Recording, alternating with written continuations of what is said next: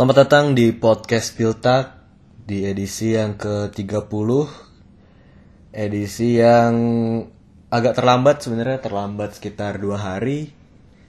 Tiga nih, tiga hari harusnya kita selasa. Tapi di episode kali ini kita hadir di hari Jumat. Dan hari ini juga gue rekaman sendiri. Mungkin gak akan panjang-panjang di episode kali ini Cuman gue pengen update di pertandingan yang baru saja berakhir di satu hari yang lalu. Hari Rabu itu ada pertandingan antara Hamburg dan RBL di DFB Pokal dan Kamis juga ada pertandingan antara Werder Bremen dan Bayern Munchen semifinal DFB Pokal juga. Nah jadi karena ini kita hadir di hari Jumat jadi nggak akan bahas Spiltak ke 30 berarti. Nggak akan bahas ke Spiltak 30 karena udah agak nggak nggak relevan juga. Paling terus di segmen kedua kayaknya bakal sedikit bahas recent update sih. Yang baru terjadi seminggu belakang ini. Oke langsung aja. Paling dari pertandingan pertama di DFB Pokal. Ada pertandingan antara Hamburg melawan RBL yang dimenangkan oleh RBL pertandingan yang dari kalau lihat dari babak pertama sih sebenarnya ini pertandingan yang could go either way gitu. Jadi bisa uh, seimbang lah bisa dibilang. Karena Hamburg juga ini baru pertama kali gue nonton Hamburg mainnya gimana. Ternyata emang bermain dengan pressing yang sangat luar biasa kalau menurut gue karena kita lihat juga dari golnya si Bakri Jata yang menyamakan kedudukan itu hasil pressing ke Kevin Campbell. Cuman memang ya secara karena pressingnya yang bisa dibilang sangat high press di babak pertama, di babak kedua terlihat Hamburg agak sedikit kecapean, jadi agak menurunkan uh, intensitas pressingnya dan akhirnya RBL bisa cetak dua gol di babak pertama karena di babak satu kan satu-satu dulu.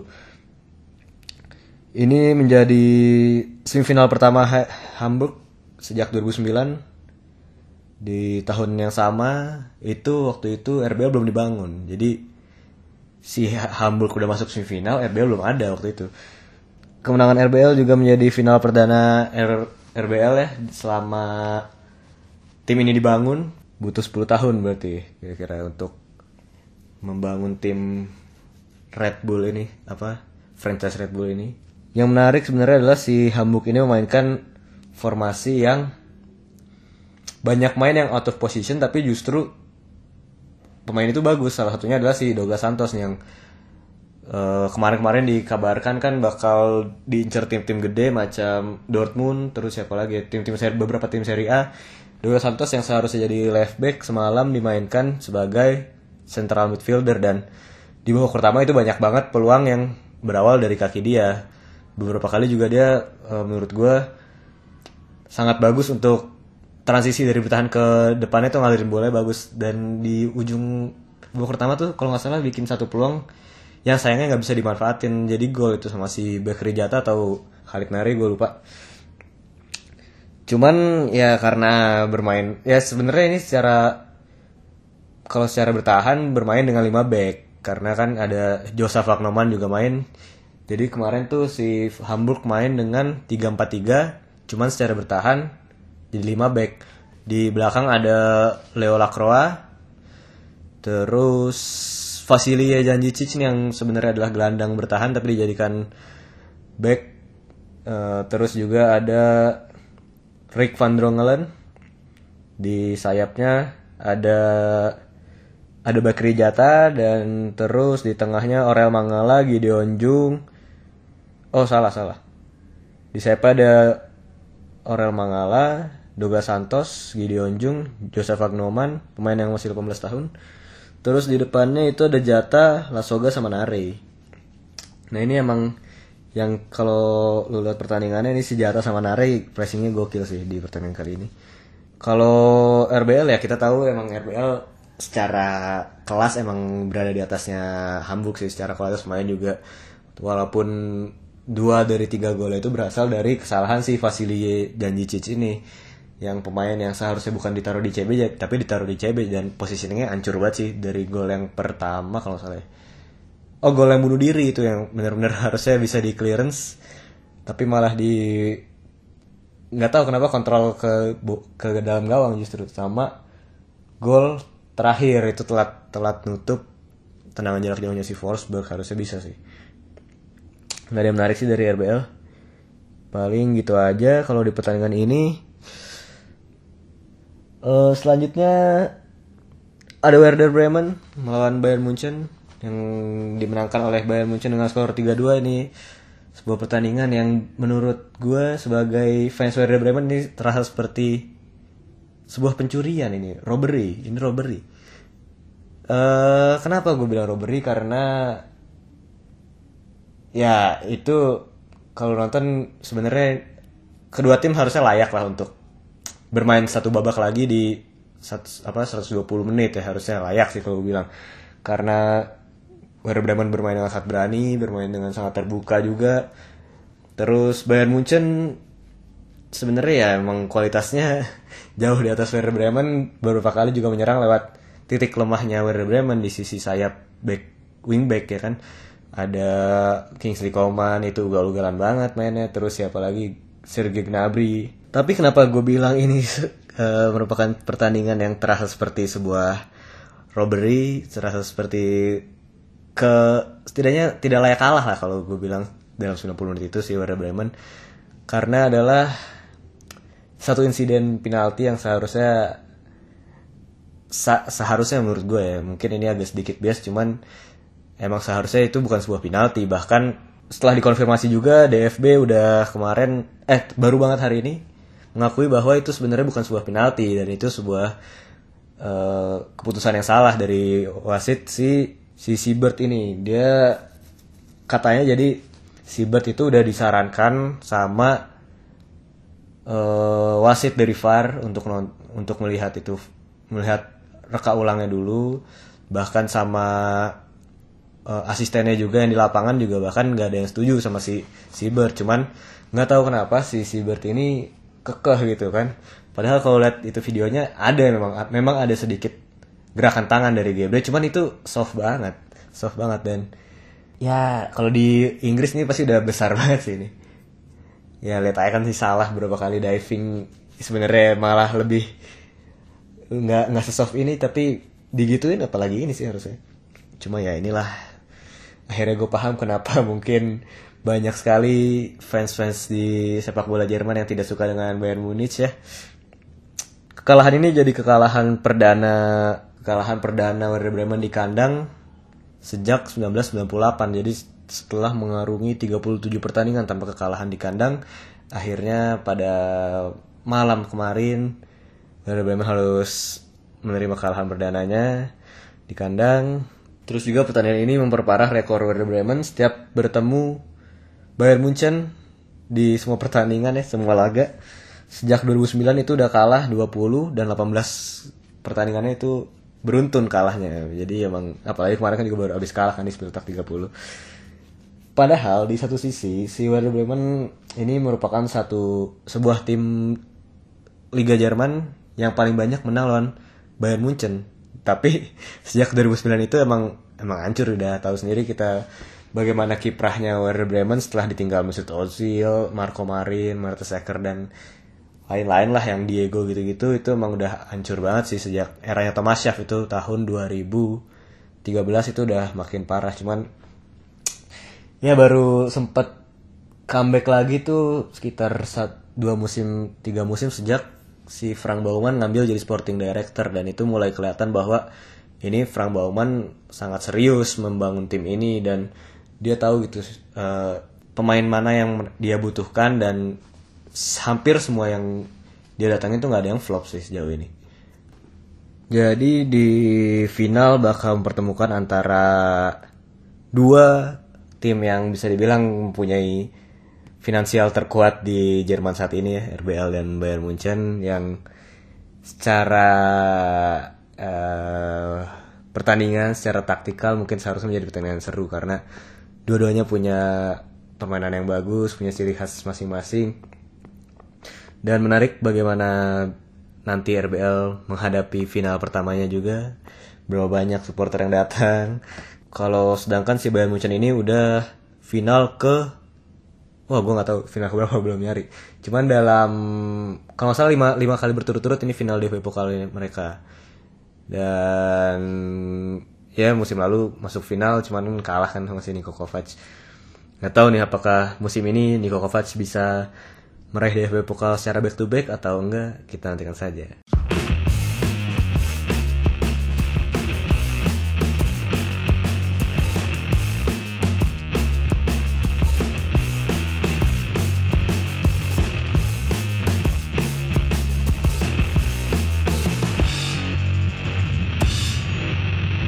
Di segmen kedua gue bakal sedikit mengupdate beberapa informasi, beberapa berita-berita terhangat di selama seminggu terakhir.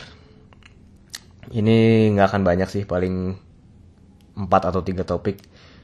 Mungkin dari yang pertama aja yang paling cukup di highlight minggu ini adalah Oh, Paul Dardai dipecat dulu itu sebenarnya cukup menarik karena Paul Dardai sendiri ini menjadi perdebatan juga ya Paul Dardai di Hertha Berlin dipecat itu.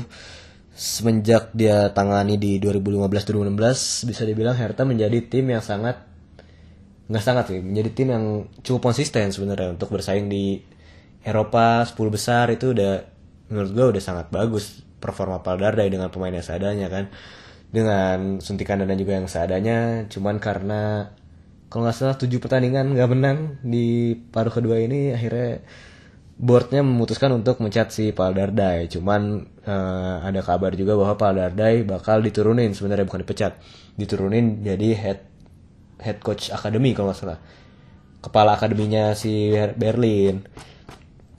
Uh, mungkin suatu saat bakal balik lagi kan kayak si Zidane. Mungkin kan Zidane yang dulu dipecat terus balik lagi. Sekarang mungkin si Paul Dardai nanti suatu saat kalau misalkan nggak menemukan pelatih yang bisa lebih baik dari dia kenapa enggak kan? Mungkin Paul Dardai diangkat lagi. Terus berita selanjutnya ada Wolfsburg. Ini masih seputar pelatih juga. Wolfsburg mengangkat pelatih baru ya. Setelah memecat Bruno Labbadia. Bukan memecat sih sebenarnya kontraknya habis. Dan nggak diperpanjang karena Bruno Labbadia kan cuman caretakernya sih awal musim. Siapa ya? Gue lupa ya. Martin Smith kalau salah. Wolfsburg ini mengangkat Oliver Glasner. Ini pelatihnya LASK Linz LASK Linz itu dari Austria juga. Jadi ini wajah baru juga nih di, di Bundesliga. Kalau nggak salah umurnya juga masih 44 tahun. Gue nggak tahu sih gimana prospeknya dia di Linz cuman dari secara prestasi dia udah bawa Linz dari divisi 2 jadi dalam 4 musim kalau nggak salah dalam 4 musim si Glasner ini bawa Linz dari divisi 2 sampai secara konsisten dua musim kebelakangan menjadi tim papan atas di Austria bahkan juga menjadi pesaingnya Salzburg musim ini Uh, menurut gue ini mungkin agak sedikit gambling, cuman kalau kita lihat dari tren di Bundesliga belakangan ini, gambling-gambling seperti ini justru yang biasanya menarik nih. Uh, kayak kita lihat Adi Hutter kan, Adi Hutter itu sebuah sebenarnya gambling sih dari Basel kan. Uh, cuman bisa membawa Frankfurt menjadi konsisten, bahkan mungkin di musim ini bakal lolos ke Champions League peluangnya sangat besar. Terus juga ada sebelumnya yang baru juga si Marco Ros dari Salzburg. Uh, pelatih yang kita tahu punya visi yang jelas, punya permainan yang uh, enak ditonton kalau gue cuma lihat dari highlight-highlightnya doang dan emang dia menjadi salah satu pelatih yang cukup dikabarkan bakal melatih tim-tim lumayan besar, lumayan ternama kayak si siapa sih Manchester United bahkan sempat dikabarkan, terus Celtic, terus Wolfsburg sendiri juga bahkan sempat dikabarkan. Nah jadi si Glasner ini mungkin ya secara tekanan mungkin ya dari lihat dilihat situ sih mungkin lumayan berat ya melihat nama-nama sebelumnya. Cuman menurut gue bakal menjadi menjadi warna baru sih warna baru di Bundesliga musim depan. Apakah masih bermain dengan pola permainan yang sama seperti sekarang atau bikin sistem baru? Kalau sekarang kan mengandalkan striker-striker jangkung sangat fisikal sekali sih Wol- Wolfsburg mainnya musim ini. Pressing gila-gilaan cuman dia nggak punya uh, lini tengah yang memadai kalau gue bilang si Wolfsburg musim ini tuh. Jarak antara defender ke gelandang itu sangat jauh jadi sangat mudah di counter. Nah mungkin kalau menurut gue PR-nya si Glasner ini adalah membenahi itu. Secara pemain sebenarnya oke sih Wolfsburg. Eh, cuman emang kalau dari beberapa musim belakangan Wolfsburg itu masalahnya di transfernya aja nggak nggak efektif. Jadi sporting director juga megang peranan besar sih di keterpurukan Wolfsburg ini Eh, lanjut kabar selanjutnya ada dari ini transfer pemain jadi tim yang sudah terdegradasi dari Bundesliga musim ini Hannover itu udah dikabarkan melepas dua pemainnya. Jadi yang pertama ada Ihlas Bebu yang pada akhir musim bakal merapat ke Borussia Mönchengladbach. Ini kabarnya juga udah sedikit lagi, satu langkah lagi bakal merapat ke sana. Dan satu lagi adalah Niklas Fulkrug yang dikabarkan bakal kembali ke tim yang membesarkan dia, tim yang jadi akademi dulu, jadi pemain akademi dulu dia. Yaitu Werder Bremen. Kabarnya 6 juta euro didatangkan dari Hannover. Dan menurut gue ini menjadi sebuah kehilangan yang sangat besar bagi Hannover ya. Ya kita tahu di musim lalu ini menjadi pemain yang sangat vital di Hannover bahkan sampai awal musim juga beberapa pertandingan pertama Hannover sempat agak konsisten sebenarnya mainnya. Se- sejak si Fulkrug sama Bebo cedera hasilnya kayak gini. Nggak punya pelapis yang bagus sih menurut gue si Hannover ini sebenarnya masalah utamanya bahkan sampai manggil si Jonatas kembali juga Jonatas nggak bisa berbuat apa-apa. Sama si Hendrik Veidang juga yang kita sempat gembor-gemborin di episode pertama Spiltak kalau dia jadi the next Jamie Vardy nggak mendapatkan nggak ternyata nggak bisa live up to the expectation dan menjadi pemain yang sosok aja gitu. Cuman ya mempunyai kisah yang unik aja. 23 tahun baru bermain sepak bola profesional dan langsung di Bundesliga utama gitu sementara di gelandang si Bebu ini nggak bisa dibilang eh, menjadi playmaker utama walaupun dia sisi sebagai winger sih posisinya. Cuman kalau lihat di highlight highlight jangan di highlight deh ya di highlight sih sebenarnya. Di highlight highlight Hanover itu setiap chances creatednya tuh kebanyakan dari si Bebu semua peluang-peluang Hanover di awal-awal musim ini. Cuman sejak cedera ya udah nggak punya pelapis yang bagus. Bahkan kayak si siapa sih eh, Genki Haraguchi nggak bisa nutupin juga. Terus siapa lagi? Iver Fossum dan lain-lain lah. Sayap-sayapnya juga nggak setara sih. Dan satu lagi masalah Hanover ada di lini belakang yang kita ketahui habis kehilangan Salih Sane yang musim lalu menjadi salah satu back terbaik di Bundesliga Waldemar Anton juga bersama partner barunya Kevin Wimmer nggak bisa berbuat apa-apa di lini belakang sekarang. Se- seolah sangat menurun. Padahal dua-duanya dulu si Anton sama siapa Salif Sane juga sangat kokoh banget dibanding daripada yang sekarang. Dan ya gue juga nggak bakal heran sih misalkan si Anton mungkin di akhir musim nanti juga bakal pindah. Nggak tahu pindah ke mana sih. Sama Eser juga menjadi kunci yang menjadi kunci pertahanan di Hannover musim ini menjadi kiper dengan save terbanyak di Bundesliga musim ini. Juga gue yakin mungkin bisa pindah sih. Mungkin sangat mungkin bisa pindah karena Eser menjadi ya kayak De Gea lah di MU lah jadi diserang mulu jadi makin ke expose kan tuh ke kemampuannya. Udah sih paling gitu aja di segmen kedua ini nggak banyak banyak karena gua garing juga nih ngomong sendiri terus dari tadi semoga di episode selanjutnya udah bisa lengkap lagi harusnya udah bisa sih terus juga gue mau minta maaf nggak minta maaf apa ya jadi rencananya minggu lalu Jumat tuh sebenarnya pengen collab bareng abang-abang Retropus. Cuman ya itu sih rejanya sakit jadi kita batalin deh tuh. Mungkin di lain kesempatan ya kita bisa ini collab sama Retropus. Terus mungkin juga Cafe Del Casio nih kapan kita collab nih? Iya. Oh ya ada ini lagi. Gue juga abis kemarin dua minggu tiga minggu terakhir nih ada podcast Gunner lokal. Itu tadinya podcast bicara bola cuma berubah jadi Gunner lokal jadi khusus Arsenal doang. Salam aja lah buat Bang Ilham ya kita udah termasuk gelombang kedua. Kedua pot satu ya berarti di perpodcastkan sepak bola ini Eh, sempat beda dua minggu tiga minggu kalau nggak salah gue masih Gunner lokal tuh. Ya paling gitu aja dari gue Gerhan. Nggak ada lagi yang gue sampein. Sampai berjumpa di episode selanjutnya. Bye